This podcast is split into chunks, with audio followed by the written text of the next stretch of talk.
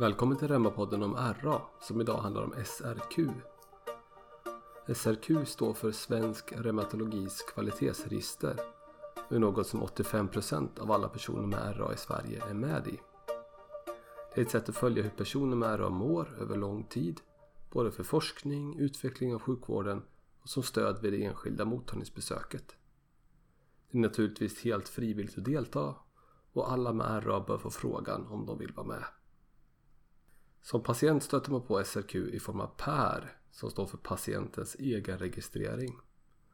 Där får man svara på många frågor, bland annat om vardagsaktiviteter som dammsugning. Som patient kanske man då undrar varför vill de veta allt det här? Och är det någon som använder alla svaren till något bra? För att hjälpa oss att svara på de frågorna har vi idag med oss Johan Askling som är professor och överläkare inom reumatologi vid Karolinska sjukhuset i Stockholm. Johan Askling forskar bland annat på det som finns i SRQ. Och vi börjar med att ställa frågan Hur kommer det sig att man startade SRQ från början? Ja, eh, SRQ startade någon gång i mitten på 90-talet. Och det var ungefär då som eh, man dels kom på att behandlingen av ledgångsreumatism nog skulle börja tidigt. Och Mm. Att om man behandlade så eh, var det också viktigt att inte bara behandla utan också följa upp effekten av behandlingen. Man upptäckte väl då att det fanns inget riktigt bra sätt att följa upp behandlingen. Att den vanliga pappersjournalen som det var då på den tiden inte egentligen gav någon större möjlighet till överskådlighet över hur behandlingen och sjukdomen hade utvecklats över tid. Utan här behövdes det någonting, eh, något annat och något nytt. Eh, det här var innan de biologiska läkemedlen kom men det tog inte så många år förrän de första biologiska läkemedlen kom och, och det var väldigt uppenbart att här behövde vi ett stort system för uppföljning av både effekter men framförallt säkerhet. Och när det kommer till frågorna i SRQ Många rör vardagsfunktioner till exempel att ta på sig strumpor och liknande. Eh, man kanske som patient undrar varför doktorn är nyfiken på detta så att säga. Mm. några kommentarer till det? Ja, det kan man verkligen fråga sig. Och svaret är väl flera egentligen. Svaren är flera. Eh, dels så är det så att många av de mått som vi följer funktionsförmåga med, hack är ett av dem. Det består i sin tur av flera delfrågor. Eh, till exempel kan man få på sig strumporna själv, kan man eh, ta ner ett sockerpaket från hyllan och så vidare. Mm. Ehm, som man viktar ihop till, ett, eh, till en summa eller ett index. Och i själva verket är man då som doktor inte så intresserad av svaren på de enskilda frågorna utan man är intresserad av det här summamåttet. Mm.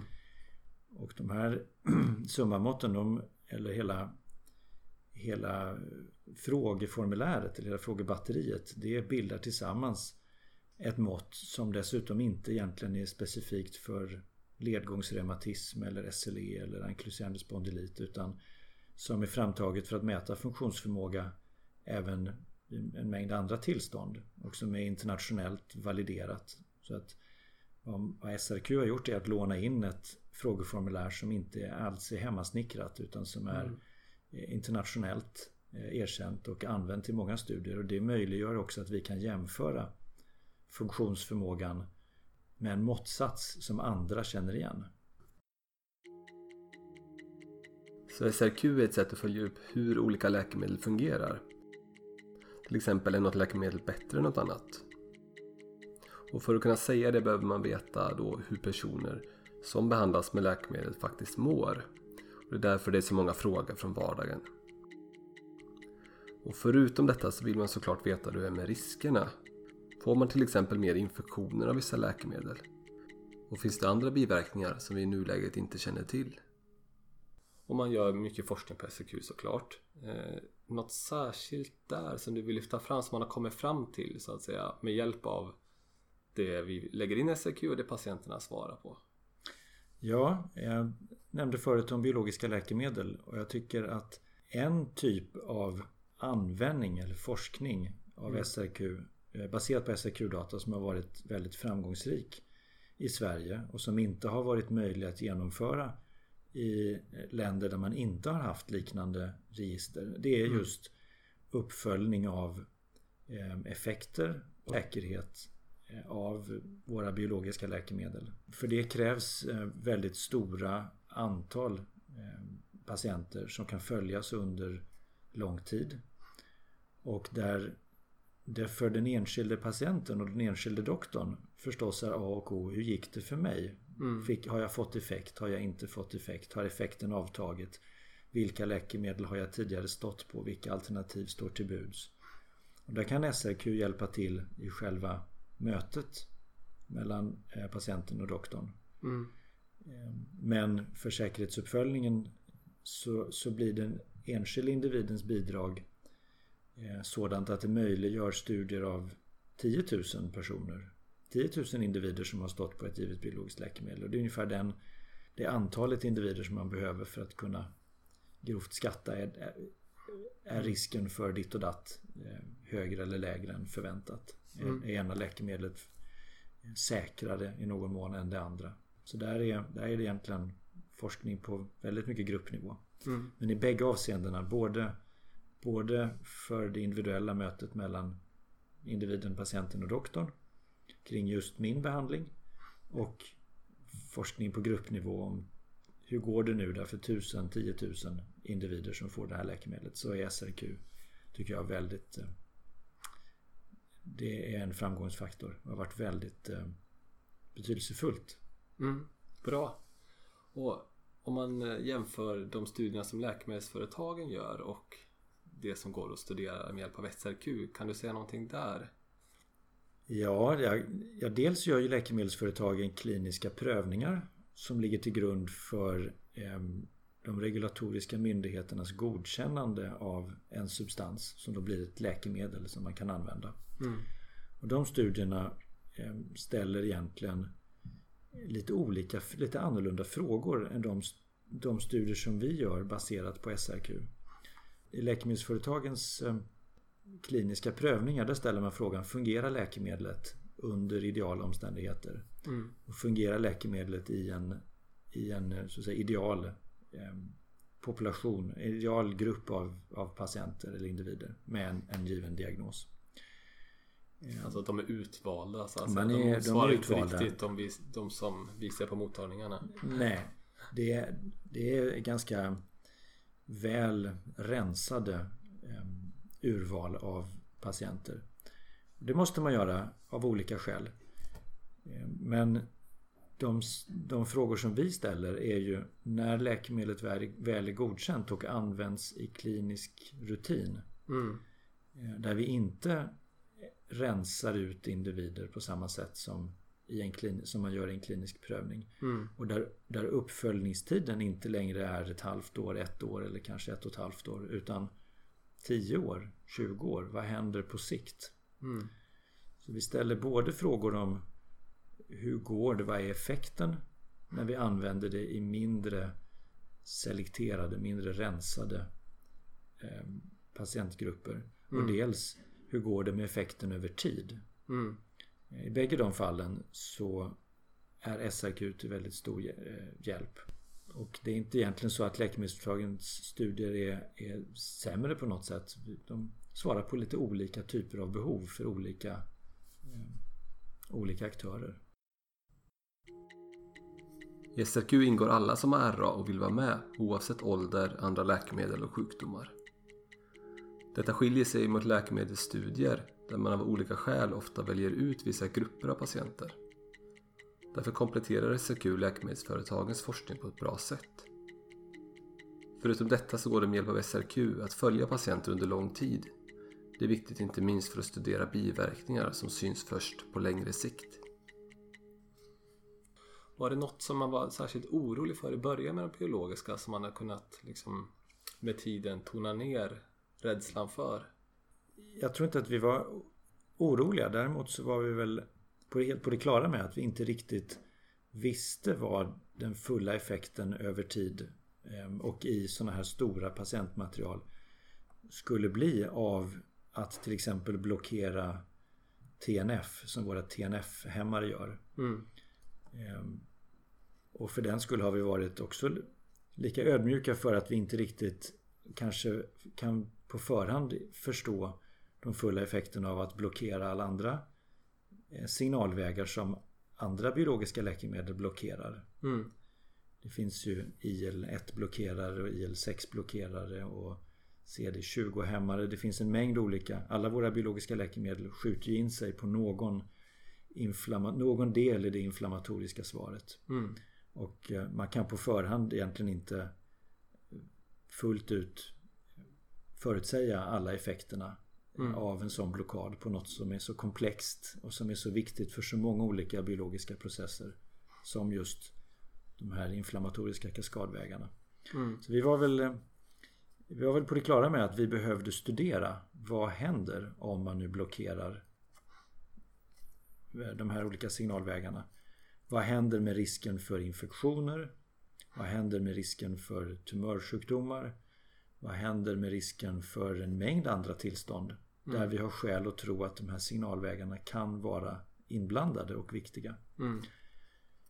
Och vad gäller tumörsjukdomar, kan man säga någonting nu efter de här medicinerna funnits nu sedan ja, millennieskiftet ungefär? Ja, man kan säga tack vare SRQ och liknande kliniska register som finns i en del men inte så många länder så har vi nu eh, förvandlat eh, de biologiska läkemedlen som vi använder för behandling av reumatoid artrit och liknande sjukdomar från nya och ostuderade till eh, några av de egentligen bäst uppföljda och mest uppföljda läkemedlen där vi vet mest om seneffekter. Och om vi nu hade farhågor kring infektionsrisker och kring tumörrisker så, så har vi väl snarare visat hur lite riskökning för infektioner som, som de här läkemedlen trots allt innebär.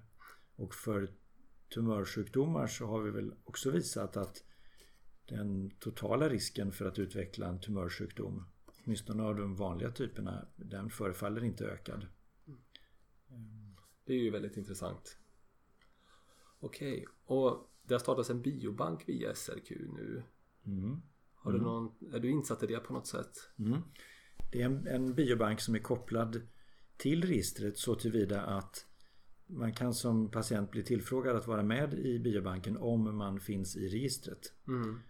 Ehm, Tekniskt är det inte SIQs biobank men, men det handlar mer om att, att följa svensk lag och förordning och att en biobank ska ligga under en sjukvårdshuvudman eller ett universitet. Och Mm. så. Är det blodprover då Det- man sparar? Mm, eller Precis, vi, Om patienten samtycker? ja, vi, vi tillfrågar ehm, individer eh, som finns i SRQ.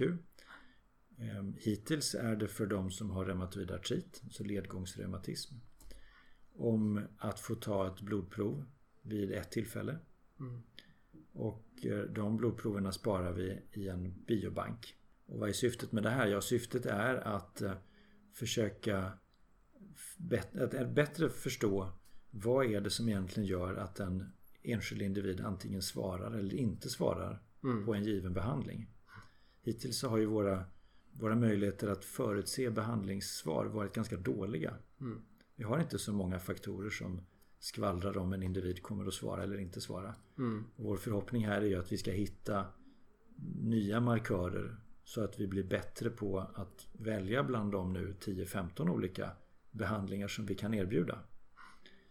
Ehm, omvänt så vill vi på samma sätt ehm, se om vi bättre kan karaktärisera de individer som får biverkningar av sina läkemedel. Skulle vi på förhand, kan, det, kan vi på något sätt på förhand via ett blodprov identifiera individer som rimligen inte ska ha en viss behandling. Så att förhoppningen är väl att göra att med den här biobanken kunna studera markörer, faktorer som både talar om vilken behandling man bör ha och vilken behandling som man inte bör ha. Och just nu har vi samlat in så mycket blodprover från så många individer att vi börjar komma i ett läge där vi kan göra precis den här typen av studier. Så att de kommande åren ska bli väldigt eh, spännande. Mm. Och slutligen, något du vill lyfta fram vad gäller SRQ? Som vi inte har nämnt? Jag har nämnt eller inte men jag, jag tycker att SRQ är ett eh, utmärkt redskap för dels individen och för doktorn i vardagen samtidigt som det är den kliniska vardagen Mm. före, under och efter besöket. Eh, och samtidigt så är SRQ ett fantastiskt redskap för att eh, forska på stora grupper av individer. Att följa vad som händer över tid vad det gäller effekt och bieffekt. Jag tycker de, man, ska, man ska förstå att SRQ är, är väldigt betydelsefullt i bägge de här rollerna. Det här är inte ett forskningsregister. Mm. Det här är inte en utvidgad del av journalen. Det här är både och och lite till. Mm. Bra, tack så mycket. Tackar. För att SRQ ska kunna svara på frågor kring effekter och biverkningar så behövs både den information som man som patient lägger in via PER tillsammans med det som doktorn lägger in vid besöket. Tack vare SRQ vet vi till exempel att riskerna för infektioner av TNF-alfa-hämmare är betydligt mindre än vad vi först trodde. I framtiden hoppas vi bland annat att SRQ på individnivå ska kunna svara på vilken person som ska ha vilken behandling. Något som skulle göra stor skillnad för den som ska börja med ett nytt läkemedel. Tack för att du lyssnat på Remma-podden om RA och SRQ. Har du frågor eller funderingar? Kontakta oss gärna på rövmapodden vgregion.se